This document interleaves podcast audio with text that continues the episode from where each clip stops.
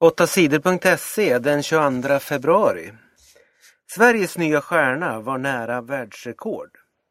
I somras blev löparen Abeba Aregawi svensk medborgare. På torsdagen fick den svenska publiken för första gången se henne springa. Ingen blev besviken. Abeba Aregawi bjöd på en fantastisk uppvisning. Hon var nära att slå världsrekord på 1500 meter. Abeba Aregawi sprang på tiden 3.58.40. Det är bara 12 hundradels sekunder från världsrekordet. Nästa helg är det EM i friidrott i Göteborg.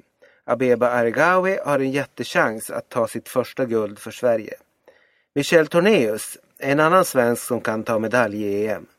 Han hoppade 8,20 meter i längdhopp. Det är näst bäst i världen i år. 15-åriga Irene Ekelund sprang fantastiskt bra i loppet på 60 meter. Hon sprang på tiden 7,32 sekunder. Det är nytt svenskt rekord för juniorer. Irene blev fyra i loppet. OS-mästarinnan Shelly Ann Fraser Price vann loppet. Irene Eklund ska tyvärr inte tävla i inomhus-EM i Göteborg. Lärare skickade rasistiskt mejl. En lärare på högskolan i Dalarna skickade ett rasistiskt mejl till en elev. Det var menat som ett skämt, säger läraren. Det var en elev som mejlade och frågade hur han skulle anmäla sig till en kurs.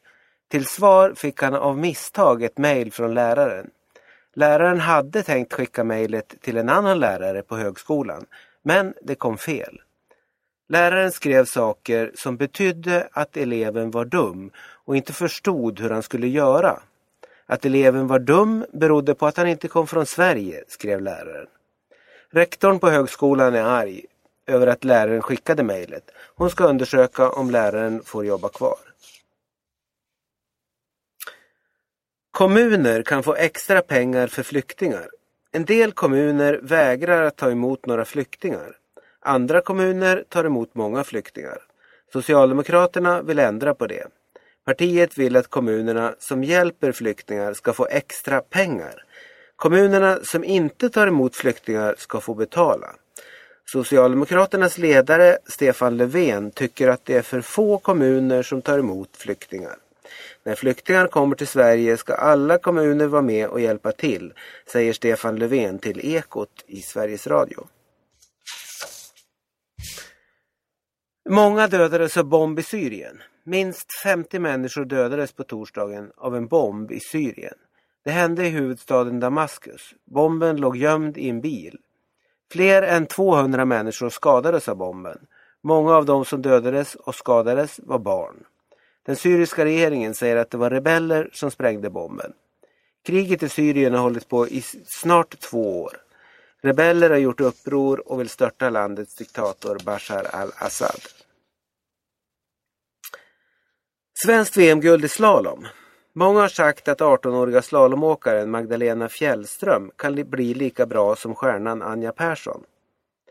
På torsdagen visade Magdalena hur bra hon är. Hon vann guld i junior-VM i slalom. Härligt! Jag har varit sjuk och varit osäker på om det här skulle gå, sa hon efter segern. Magdalena var 44 hundradelar före tvåan Michel Gizin från Schweiz. Minst 15 dödades av bomb i Indien. Flera människor dödades i Indien på torsdagen. Terrorister sprängde flera bomber på en marknad i staden. Minst 15 människor dödades av bomberna och fler än 100 skadades. Det är mycket allvarligt skadade. En del är mycket allvarligt skadade och poliserna tror att dödssiffran kan stiga. Vilka det var som sprängde bomberna vet poliserna inte än.